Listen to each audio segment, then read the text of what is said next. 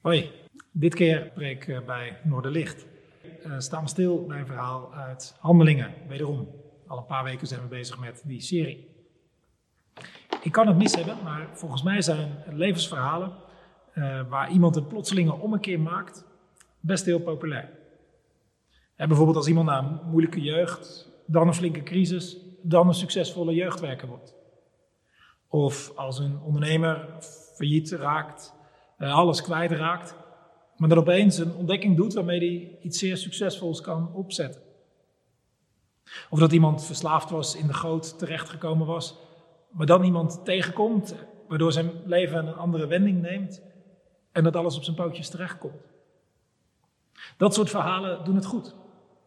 En ik vermoed, omdat ze zo hoopvol zijn, dat hoe diep je ook gezonken bent, hoe ver je ook weg bent, hoe kansloos het lijkt, dat dingen kunnen keren. Dat dingen opeens zich ten goede kunnen keren. In de Bijbel staan ook heel wat van zulke hoopvolle verhalen, van die U-bocht-verhalen. Alles leek verkeerd af te lopen, maar het leven maakte een wending en de dingen kwamen goed. Het verhaal van Paulus past ook precies in dat format. Het is een buitengewoon hoopvol verhaal. Daarom, ook voor ons vandaag. En niet alleen hoopvol, maar ook leerzaam. Dit verhaal staat in Handelingen 9. Paulus ging toen door het leven onder de naam Saulus. Later is hij vooral bekend geworden als Paulus en zo zal ik hem vandaag ook noemen.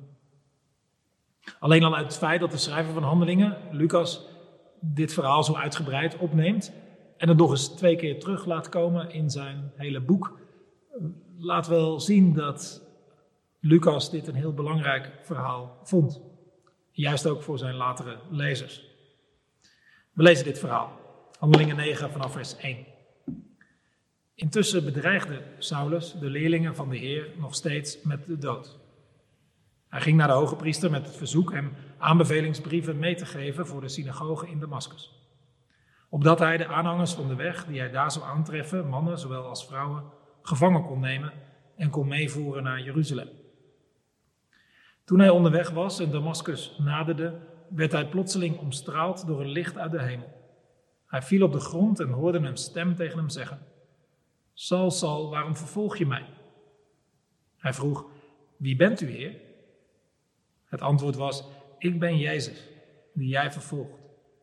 Maar sta nu op en ga de stad in, daar zal je gezegd worden wat je moet doen. De mannen die met Saulus meereisden stonden sprakeloos. Ze hoorden de stem wel, maar zagen niemand. Saulus kwam overeind en hoewel hij zijn ogen open had, kon hij niets zien. Zijn metgezellen pakten hem bij de hand en brachten hem naar Damascus. Drie dagen lang bleef hij blind en at en dronk hij niet.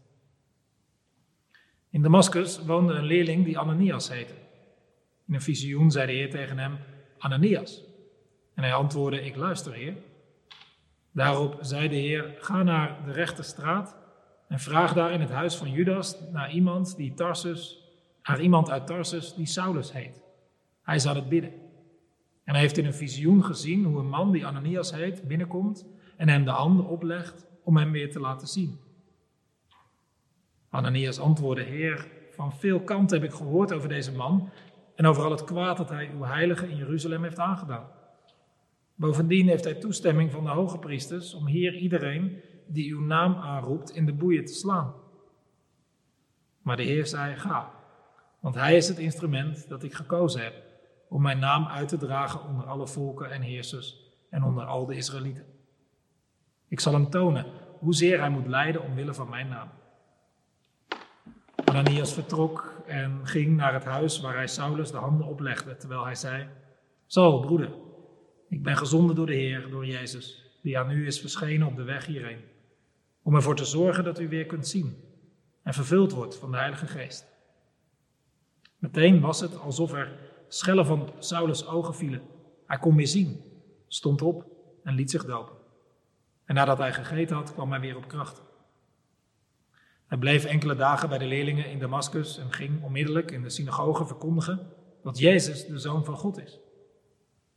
Allen die hem hoorden waren stom verbaasd en vroegen: Dat is toch de man die in Jeruzalem de volgelingen van die Jezus naar het leven stond? En hij is toch hierheen gekomen om hen gevangen te nemen?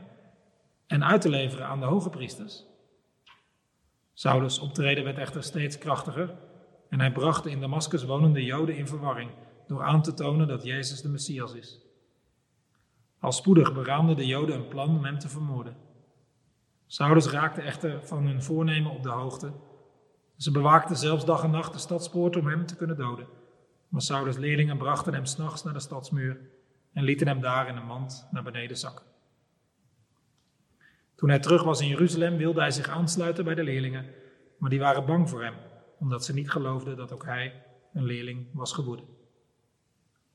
Barnabas nam hem echter onder zijn hoede en bracht hem naar de apostelen, aan wie hij vertelde dat Saulus onderweg de Heer had gezien, dat hij met hem had gesproken en dat hij in Damascus vrijmoedig de naam van Jezus had verkondigd. Amen. Misschien ben je wel eens jaloers op iemand die zo'n enorme verandering heeft doorgemaakt. op mensen die precies weten wanneer ze zijn veranderd in een christen. Die een soort bekeringsmoment in hun leven kunnen aanwijzen op de dag af. Misschien denk je soms, ja, dat zou ik ook wel hebben willen gehad. Iets bijzonders meemaken op het moment dat je christen werd. Een wonder of iets. Of een bijzonder gevoel of een stem uit de hemel. Een bijzondere droom, een bijna doodervaring, of het licht gezien, of wat voor dramatisch moment ook. Dat je, dat je soms denkt, had ik maar zoiets meegemaakt, dat, dan was ik zoveel zekerder geweest. En dan had ik misschien ook anderen beter kunnen overtuigen van het geloof. Of misschien is zo'n bekering voor je gevoel pas echt. Moet je echt iets kunnen vertellen voordat je jezelf christen kunt noemen. Ik ken ook verschillende van die mensen, ook bij Noorderlicht, die zo'n opvallende bekering hebben meegemaakt. Die als ze terugkijken op hun leven, dat heel gemakkelijk in kunnen delen. De eerste fase, toen ze geen christen waren. Toen als tweede dat er iets gebeurde. En toen de derde fase, alles anders als christen. Zijn voor mijn gevoel de uitzonderingen. Bij veel meer mensen gaat het geleidelijk, stap voor stap. En zeker voor hen die als kind ook christelijk zijn opgevoed, die kennen vaak helemaal niet zo'n omslagpunt. Wat trouwens ook helemaal niet minder is, overigens. En daarom dit verhaal van de ommekeer van Paulus is geen schabloon, geen format van hoe iemand christen moet worden. Ja, christen worden, christen zijn betekent dat je anders wordt, anders bent. Maar hoe je christen wordt, ja, dat gaat op heel veel verschillende manieren. En het een is niet beter dan het andere. Jezus gaat met ieder zijn eigen weg. Ja, met Paulus ging hij een wonderlijke weg. Als wij nu zijn verhaal lezen, dan, dan klinkt dat voor ons misschien bijna te wonderlijk. Maar voor de toenmalige lezers klonk het vast minder vreemd in de oren. Men leefde veel meer in het besef dat de onzichtbare wereld zomaar iets kon doen of laten zien in de zichtbare wereld. Daar was men veel meer op bedacht. En men was ook veel meer vertrouwd met visioenen of dromen of verhalen waarin God zomaar verscheen. Maar goed, het, het gaat in dit verhaal niet om het wonderlijke op zichzelf. Het gaat er bij jou en mij ook niet om hoe wonderlijk of niet we tot geloof zijn gekomen. Het gaat er ook niet om of dat proces volgens een bepaald schabloon gaat of een bepaald patroon. Waar het wel om gaat is dat je Jezus ontdekt. En Jezus kan zomaar op je weg komen. Soms na een lange zoektocht, soms dat je hem geleidelijk ontdekt.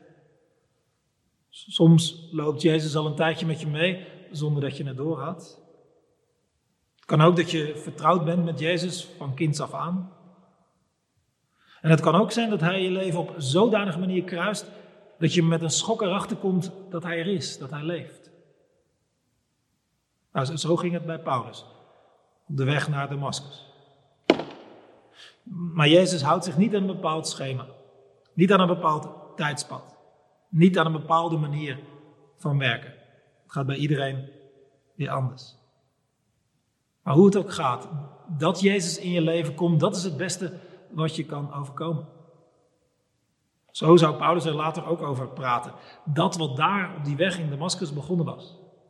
Dat Jezus in zijn leven gekomen was, ja, dat was het beste wat hem ooit overkomen was. En die ommekeer van Paulus is leerzaam voor ons. Of je nu al christen bent of nog niet. Denk in ieder geval dat het ons vier dingen kan leren. Als eerste zegt dit verhaal heel duidelijk: niemand hoeft zichzelf of een ander uit te sluiten als het gaat om de mogelijkheid om christen te worden. Kijk maar naar Paulus. Hij dacht dat hij er goed aan deed om die nieuwe beweging rondom Jezus te vervolgen. En zo begint het in vers 1 van Handelingen 9. Intussen bedreigde Paulus de leerlingen van de Heer nog steeds met de dood. En nadat hij in Jeruzalem al had huis gehouden, en die berichten waren zelfs tot in Damascus doorgedrongen, dan, dan vraagt hij aan de hoge priesters steun om in Damascus hetzelfde te kunnen gaan doen. In Damascus was hoogstwaarschijnlijk een vrij grote Joodse gemeenschap. En blijkbaar was Paulus bang dat die nieuwe beweging daar ook veel Joodse mensen zou inwinnen. En met officiële brieven van de hoge priesters op zak staat hij sterk om die Joodse mensen die iets in Jezus zagen op te pakken. En mee te nemen naar Jeruzalem en daar gevangen te zetten. En zelfs de dood voor die mensen is voor Paulus geen brug te ver. In Handelingen 8, vers 1 staat er te lezen hoe deze Paulus de moord op Stefanus, een christen, goedkeurde. Je zou Paulus een extremist kunnen noemen. Hij is bereid om geweld te gebruiken voor wat in zijn ogen de goede zaak is. Voor zijn versie van het geloof in God. En mensen die afgevallen zijn van wat in zijn ogen de goede versie is, die mogen wat hem betreft dood. En niet voor niks is Paulus dus de schrik van de christenen van die tijd. Dat merk je ook wel uit die reactie van Ananias. Ook al krijgt hij in een visioen de opdracht van de Heer om Paulus op te zoeken, dan, voel je dat hij eigenlijk niet durft. Uiteindelijk gehoorzaamt hij. Waarschijnlijk met vrees en beven. En als je in die dagen gevraagd zou worden je geld op te zetten op iemand die binnenkort christen zou worden, dan zou je niet je geld op Paulus zetten. Dat zou niemand doen. En toch, deze man, deze Paulus, die verandert in een christen. En later beseft Paulus hoe onwaarschijnlijk zijn bekering was. Ik, de grootste van de zondaren, zo noemt hij zichzelf. Hij is nooit vergeten hoe onvanzelfsprekend het was dat hij mocht aansluiten bij Jezus Christus. En dus zegt dit verhaal ons wat voor slechte, iemand ding, wat voor slechte dingen iemand op zijn kerfstok ook heeft. Hoe ver iemand van het christelijk geloof afstaat. Zelfs als iemand allerlei dingen heeft gedaan om christenen lastig te vallen of te besmeuren, of zelfs extremisten. Er is hoop op verandering. Er is kans op verandering. En hoe slecht anderen jou ook vinden, hoe slecht je jezelf ook vindt, je kunt christen worden. Kijk maar naar Paulus. En wie je ook tegenkomt, hoe ver mensen van het geloof afstaan, sluit niemand bij voorbaat uit. Bij God is niks onmogelijk. Dat zegt dit verhaal. Als tweede valt van dit verhaal, van deze wonderlijke ommekeer, naar zo'n ingrijpen vanuit de hemel, te leren dat, ja, dat het niet betekent dat, dat als dat gebeurt bij jou of bij iemand anders, dat dan degene van die omgeving ook allemaal wel om zullen gaan. Nee. En dat ging ook zo bij Paulus niet. Jezus kwam op het pad van, van Paulus. Op bijzonder wonderlijke wijze, zelfs spectaculair zou je het kunnen noemen. Als die bijna bij Damascus is, is er een licht van boven, een stem uit de hemel, een visioen op klaarlichte dag. Hoe wil je het hebben? En voor, Paulus is, is het duidelijk. Jezus spreekt hem aan vanuit de hemelse dimensie van Jezus. En met een schok wordt het zo, Paulus, duidelijk. Die Jezus, die ik, die, die wiens volgeling ik vervolgde, die, die Jezus blijkt te leven. Hij blijkt echt te zijn. Wie die mensen zeiden dat hij was, de Messias. De redder van God. De redder vanuit de hemel. Ja, Jezus had mensen niet op een dwaalspoor gezet. Maar hij had het bij het goede eind. En ja, die, die ommekeer, die, die prachtige ervaring, die wonderlijke dingen. Ja, je had kunnen denken, ja, dat, dat, dat, dat moet ook wel overtuigend geweest zijn voor de vroegere uh, studiegenoten van Paulus, of voor zijn leidinggevende, of voor zijn collega's, of voor de mensen met wie hij vaak omging. Voor de mensen die, die op dezelfde manier in het leven stonden. Maar nee. Nee je leest dat daar in Damascus eigenlijk niemand overtuigd raakt. En ook even later in Jeruzalem niet. Er ontstaat juist heel veel weerstand. Ze proberen hem bijna direct om het leven te brengen. Eerst in Damascus en even later ook in Jeruzalem. Daarom, zelfs al heb je de meest wonderlijke dingen meegemaakt, die dingen op zichzelf zullen anderen niet overtuigen. Het kan zelfs weerstand oproepen. Ook, ook bij mensen die eerst het meest dichtbij stonden. Of misschien geen weerstand, maar toch een soort onverschilligheid. En, en denken ze nou, goed voor hem, prima. Of, of denken, ze, denken ze nou, dus, ja, wat, wat hij zich nou weer inbeeldt, nou, dat moet hij allemaal zelf maar weten. En ik ken, er ook, die, die, die, die zelfs na een hele bijzondere ommekeer, die, die veel anderen daar misschien wel mee bereiken, maar, maar zo weinig ingang vinden bij, bij hun eigen mensen, bij, bij mensen die dichtbij hen stonden, bij hun familie of vrienden. En mocht dat jou overkomen, sta er niet van te kijken. Lang niet iedereen zal jouw wonderlijke verhaal direct omarmen. Lang niet iedereen zal jouw verandering, jouw christen zijn, met enthousiasme omarmen. Helaas niet. Als derde valt op in dit verhaal dat Paulus ook direct een nieuwe roeping krijgt. Een opdracht voor de rest van zijn leven. In vers 15 zegt de Heer tegen Ananias: Hij is het instrument dat ik gekozen heb om mijn naam uit te dragen onder alle volken en heersers en alle Israëlieten. Die Paulus is uitgekozen, voorbestemd om het goede nieuws van Jezus Christus naar de volken te brengen. En voor koningen getuigenis af te leggen van wie Jezus is. Paulus wordt onderdeel van het grote plan van Jezus waar Jezus ook bij zijn afscheid nog over gesproken had, dat het goede nieuws de hele wereld over zou moeten gaan. Alle volken bereikt zouden moeten worden, tot aan de uiteinde van de wereld.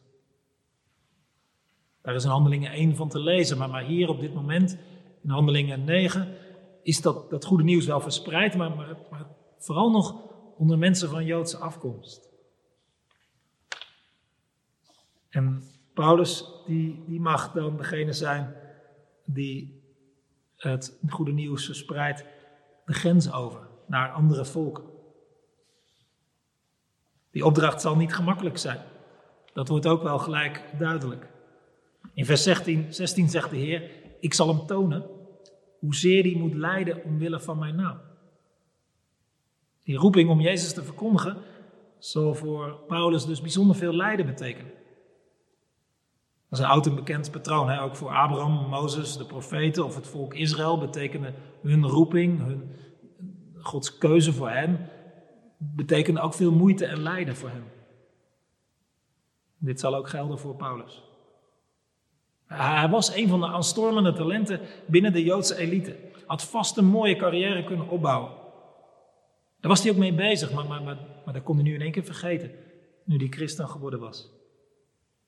En zijn inzet om het evangelie te verspreiden, dat, dat, dat zou hem een onzeker bestaan opleveren. Zijn leven zou voortdurend bedreigd worden. Hij zou moeten vluchten, steeds weer. Vooral voor mensen met wie hij eerst op goede voet stond, zal die vervreemding ervaren. Die zouden men gaan laten opsluiten, lynchen, stenigen en wat al niet meer. Aan het eind van Handelingen 9 wordt dat al, gebeurt dat al en dat zal de rest van het boek Handelingen zo blijven.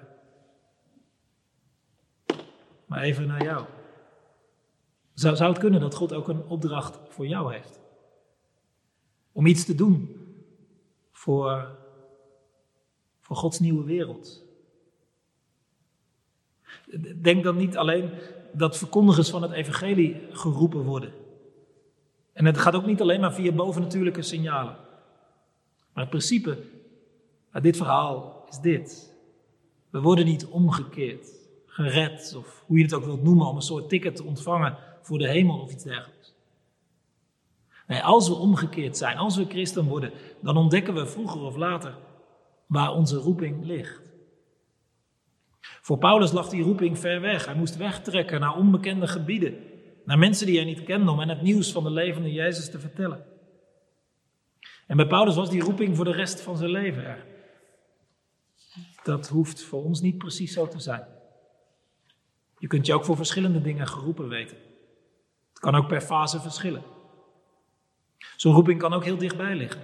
In je eigen huis, bij de mensen die je al toevertrouwd zijn. Of op het werk dat je hebt. Of bij een bepaalde doelgroep of in de kerk. Maar, maar wees erop bedacht. Als je christen wordt of al bent, dan heeft God vast ook iets voor met je leven hier en nu, in deze wereld. Misschien niet iets makkelijks. Nee, zelden tot nooit betekent de weg die Jezus voor je in gedachten heeft de weg van de minste weerstand. Maar hij heeft iets met je voor. Sowieso. En, en als je al christen bent, dan zou ik je willen vragen. Voel je, weet je, waar God je toe roept? En als je het weet, hou je eraan. Of laat je er ook zomaar van afleiden.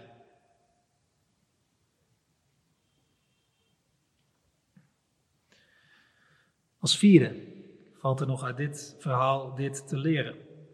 Dat, dat, op het eerste gezicht lijkt die keuze voor Paulus nogal verrassend. En notabene degene die het meest fanatiek bezig was geweest om die, die, die boodschap de grond in te stampen. Dat, dat die gekozen wordt. En dat deze super-orthodoxe Joodse hardliner degene moet worden die die heidenen gaat bereiken. Dat lijkt heel onlogisch en gek. Maar, maar als je er wat langer bij stilstaat, dan, dan is die keuze voor Paulus toch niet zo onlogisch en gek. Want deze Paulus had namelijk kenmerken die hem uitermate geschikt maakten voor die opdracht om de volken te bereiken met het goede nieuws. Paulus was bijvoorbeeld opgegroeid in Tarsus. En heeft daar de Grieks-Romeinse cultuur van binnenuit leren kennen. En ook de Griekse taal. Op jonge leeftijd is hij echter in de leer geraakt bij Gamaliel, een vooraanstaande fariseer in Jeruzalem. En dus kende hij de Joodse geschriften bijzonder goed. Paulus was dus thuis in twee culturen. En dat zou hem later heel goed van pas komen. Telde bij op zijn enorme ambitie, zijn ijver, zijn buitengewone kennis en geleerdheid, zijn leiderschap, zijn enorme doorzettingsvermogen en moed. Ah, als dat alles op het goede gericht was, vanuit de goede motieven en door Gods geest geleid, ja, dan, dan kwamen die dingen natuurlijk enorm van pas om het evangelie verder te brengen. Al met al was Paulus dus bijzonder geschikt voor zijn opdracht. En niet alleen geschikt, nu hij Jezus had leren kennen, was hij ook bereid. Want in Handelingen 19 begint hij, in Handelingen 9 begint hij al gelijk al in Damascus aan die nieuwe opdracht. En dat levert ons deze vraag op. Als het verleden van Paulus, zijn levenservaring, zijn kennis, zijn opleiding, zijn karaktereigenschappen, zijn persoonlijkheid. Als dat allemaal bijzonder goed van pas kwam voor het doel dat God met zijn leven had. Zouden de dingen van jouw leven, de eigenschappen die jij hebt, dan ook niet juist van pas kunnen komen in het doel dat God met jouw leven heeft? Dat is wel een principe wat ik herken in mijn eigen leven. Dat de dingen uit het verleden, de dingen die je hebt meegemaakt, dingen die je hebt geleerd, de dingen die je hebt gedaan, zelfs ook de dingen waar je helemaal niet trots op bent, zelfs de fouten die je hebt gemaakt, zelfs de moeilijke dingen, dat die nu van pas komen in de opdracht die ik nu voel. Dus wie jij bent, hoe je in elkaar zit, wat je hebt meegemaakt, zelfs ook je falen en je wonden. God kan ze inpassen in het doel wat hij met je leven heeft. Wie je ook bent, hij kan iets met je. Juist ook met die dingen en fasen in je leven die je misschien wel uit zou willen wissen. God wist ze niet uit. Maar hij pakt het genadig op en laat die dingen niet voor niets zijn. Zoals bij Paulus zijn roeping, hoe onverwacht en ongedacht ook, toch paste bij wie die was en wat hij had meegemaakt. Zo zal jouw roeping, het levensdoel wat je, wat je hebt, hoe onverwacht en ongedacht misschien ook, toch passen bij wie je bent en hebt meegemaakt.